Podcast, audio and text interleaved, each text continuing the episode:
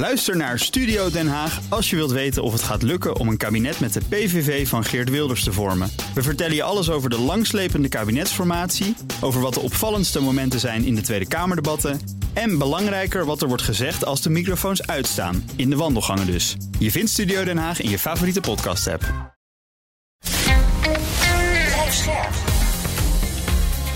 BNR Nieuwsradio. Boekenstein en de Wijk. Hugo Reitsma. Dit is een extra uitzending van Boekenstein en de Wijk in verband met de oorlog in Oekraïne en de crisis met Rusland. Het is donderdag, dag 211 van de invasie. En we doen vandaag weer uh, luisteraarsvragen. Trouwens, ik, ik, krijg steeds meer vragen waarom ik na een half jaar nog steeds zeg: Dit is een extra uitzending van Boekenstein en de Wijk. Je moet gewoon maken, dit is een eeuwige uitzending. Ja.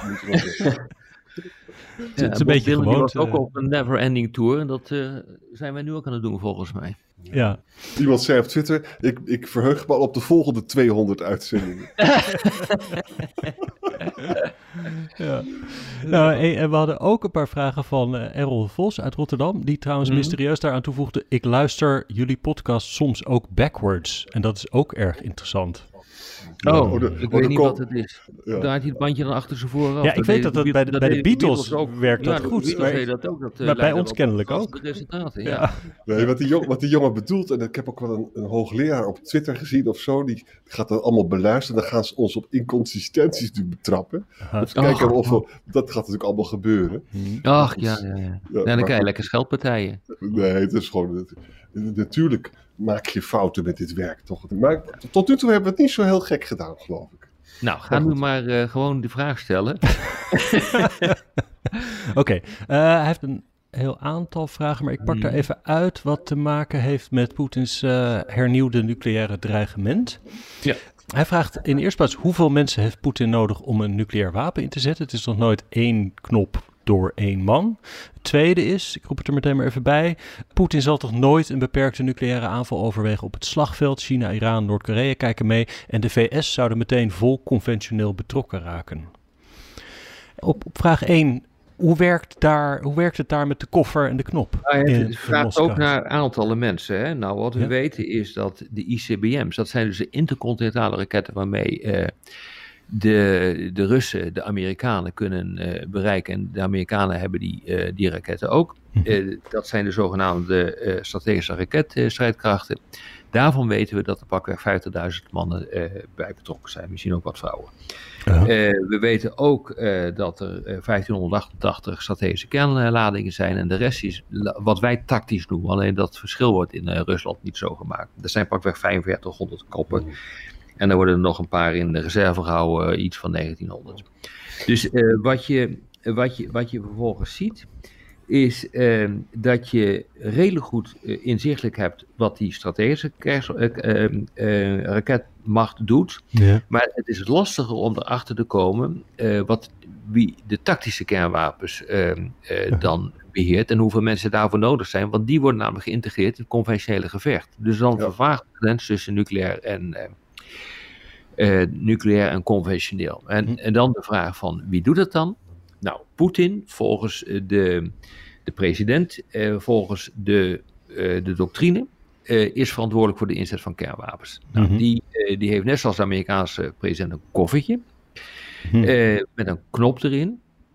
En als hij op die knop drukt, dan eigenlijk autoriseert hij de generale staf, Gerasimov, eh, om kernwapens in te zetten. En daarmee komen, dan, dan, dan heeft eh Gerasimov toegang tot de codes. Hè, het is dus niet zo dat eh, als Poetin op een knop drukt, dat daarmee de kernwapens de lucht in gaan. Dat is niet zo. Hij autoriseert daarmee. Dus even de vraag hoe die autorisatie verloopt en of alleen Poetin op die knop kan, druk- kan Mhm. drukken. In Amerika is dat niet zo. Daar zijn meer mensen bij betrokken. En ik denk dat dat. er wordt gezegd dat het systeem ongeveer hetzelfde is als, eh, als in Amerika. En dat zou dus betekenen eh, dat eh, Poetin bijvoorbeeld een, een deel van een code heeft. van een knop, ja, er zit wel een knop in, maar je moet volgens mij een code in, in toetsen. Een deel Mhm. van de code heeft, heeft Poetin. En een deel van de code heeft iemand anders. En ik weet even nu niet wie dat is. Dat zou Patrushev kunnen zijn. Dat ligt zeer voor de hand. Dat zou Shogu kunnen. Patru- Patrushev is de hoofd van de Veiligheidsraad. Het zou uh, Shogun kunnen zijn, de minister van Defensie. Ligt niet heel erg voor de hand. En het zou uh, ja, ook een andere functionaris kunnen zijn. Maar mij lijkt dat Patrushev het meest voor de hand ligt. Maar misschien uh, zeg ik nu onzin. Maar als iemand dat weet, moet hij dat maar even zeggen.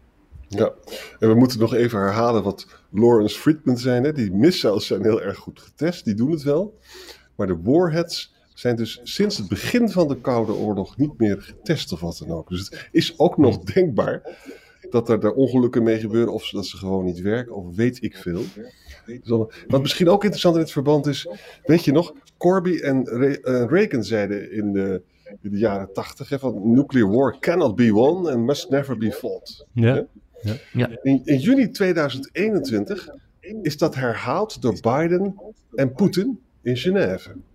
Maar goed, daarna, ja, maar daarna is natuurlijk Poetin daar uh, met die regels gaan spelen en steeds heeft hij het boven de markt uh, laten hangen. Nou, het is ook een verklaring geweest in de, in de, in de, in de VN, waarin dat nog een keer is bevestigd. Ja, ja, ja. Nee, maar twee dingen. Uh, eerst pas, als Patrushev de backup is, zeg maar, voor als Poetin gek wordt, is dat dan heel erg geruststellend? Want volgens mij is Patrushev nee, niet moeten veel minder dan, extreem. Volgens mij, nee, ze moet, er moeten meerdere mensen op de knop drukken. Want als één gek wordt, ja. uh, dan is het wel verstandig dat de, dat de andere kan zeggen van, ja. uh, dit, gaan wij, dit gaan wij zo niet doen. Dat is dus theoretisch mogelijk, hè, dat als Poetin irrationeel zou worden of zou bezwijken, dat, die, dat Patrushev het niet doet. Ellende is alleen dat ja. Patrushev een buitengewoon Ervan cynische... Ervan uitgaan, jongens, dat ja. Patrushev het ook is. Hè? Dat hij uh, dat ja. die, uh, ja. mede-knopdrukker is. Ja. De ellende is dat zowel Gerasimov als Patrushev zijn keiharde, cynische jongens. Dus dan moet je ook niet op rekenen dat die ingrijpen dan.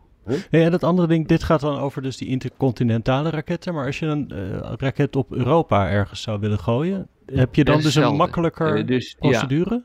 Ja, nee, de, de ICBM's die gaan tot boven de duizend kilometer en daaronder uh, wordt het vrijgegeven aan de ja, als het goed is aan lokale commandanten die dan die kernwapens moeten inzetten. Bijvoorbeeld met, hm. met jachtvliegtuigen of met een raket.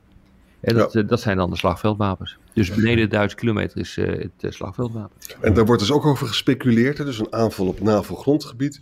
Dat zou wel heel erg irrationeel zijn. Want dan heb je dus nucleaire ja. vergelding. Ja. Ten, tenzij ja, het zo, kernwapenoorlog. Ja, tenzij het zo is dat wij dan het Westen dan zou bezwijken. En dat we toch niet durven te retereren. Niemand die dat weet, daar hebben we ook vaak over Ja, gesproken. Ja. Nee. Nou ja, en om die reden Dat dus dan vraag 2 van Errol. Die zegt Poetin zal dat toch nooit gaan doen. China, Iran, Noord-Korea kijken mee. En de VS zouden meteen vol conventioneel betrokken raken. Nou, dat is niet gezegd. Nee, nee. Want als hij het een, ja, een stom spreekwoord, een kat in het nauw maakt rare sprongen. Hij staat met de rug te- tegen de muur.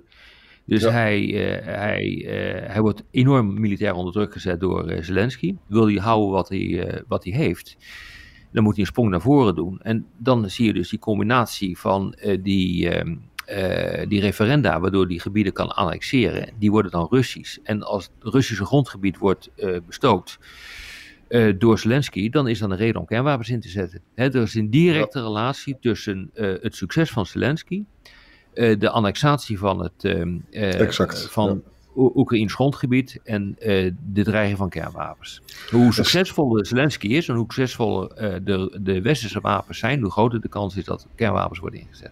Ja, en stel dat hij dus een tactisch kernwapen in het Oekraïnse slagveld eh, gebruikt, hè, dan denk ik niet dat de Amerikanen conventioneel zullen reageren. Wat wel zo is, dan, dan krijgen we dus een mondiale outrage van de publieke opinie. Hè, en de druk wordt heel groot om het Westen om toch nieuwe dingen te bedenken om Poetin in te nemen. Het probleem is alleen, wat is dat dan? Wat is dat dan? Hè?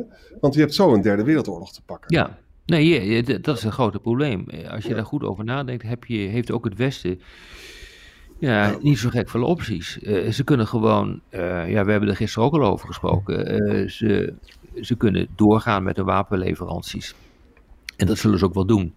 Maar daarmee het risico nemen dat er inderdaad een grotere kans is dat die kernwapens worden ingezet. Eh, eh, ze kunnen vragen aan Zelensky, achter, met name via geheime diplomatie, van nou, misschien moet je toch maar eens gaan onderhandelen. Dat zal niet gebeuren, want Zelensky zal dat zelf niet willen.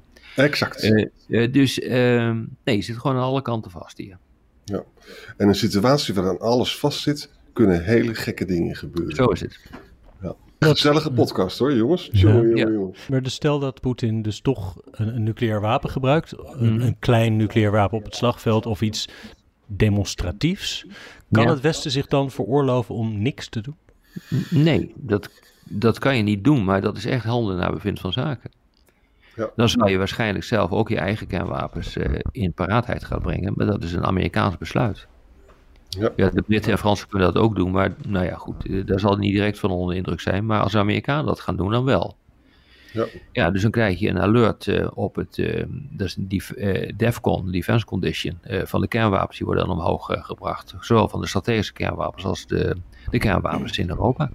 Dat, Dus dan je, als je in een... de eh, woont, dan, nou, dan denk ik dat je wel zenuwachtig kunt worden. ja, mijn Ja. hemel.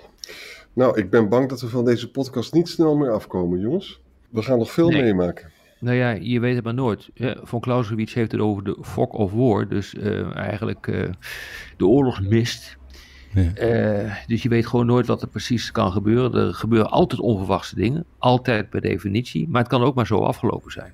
Dus je, je kunt er geen zinnig woord over zeggen op dit ogenblik. Het is misschien wel verstandig om aan een BNR een eh, kernwapenvrije kelder te bouwen. Dat we dat- Maar we hebben een parkeergarage. Ja. Oh ja. Een parkeergarage nou, dan gaan we daar gewoon zitten. Dus Ja. als het misgaat, dan zie ik jullie daar.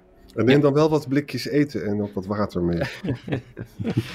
Lekker Ja, we jongens. lachen erom, jongens, maar het is niet fijn Nee. wat er eh, gisteren is gebeurd eh, door die Poetin. Nee. Misschien nog één dingetje. De, eh, Oh. Ik haal dit uit alle punten van Errol. Ehm, die, is meer stelling. Die zegt: Poetin is niet zo dom als het lijkt. De inschatting dat de NAVO door zou slapen en Oekraïne geen antwoord zou hebben, was toch helemaal zo gek nog niet, mits de onthoofding van Kiev snel gerealiseerd kon worden. Eh, ja, dat heb ik ook gesteld. We, we bespreken Poetin nu vaak als een gek. Nee, heb het allemaal niet gedaan. is gelukt. Nee, Nee. dat is waar. Dat is waar. Nee. Maar ja, het had net zo makkelijk wel kunnen lukken in die eerste dagen van de oorlog om Kiev in te nemen en Zelensky te doden of weet ik veel wat. Eh, En dan dat klopt.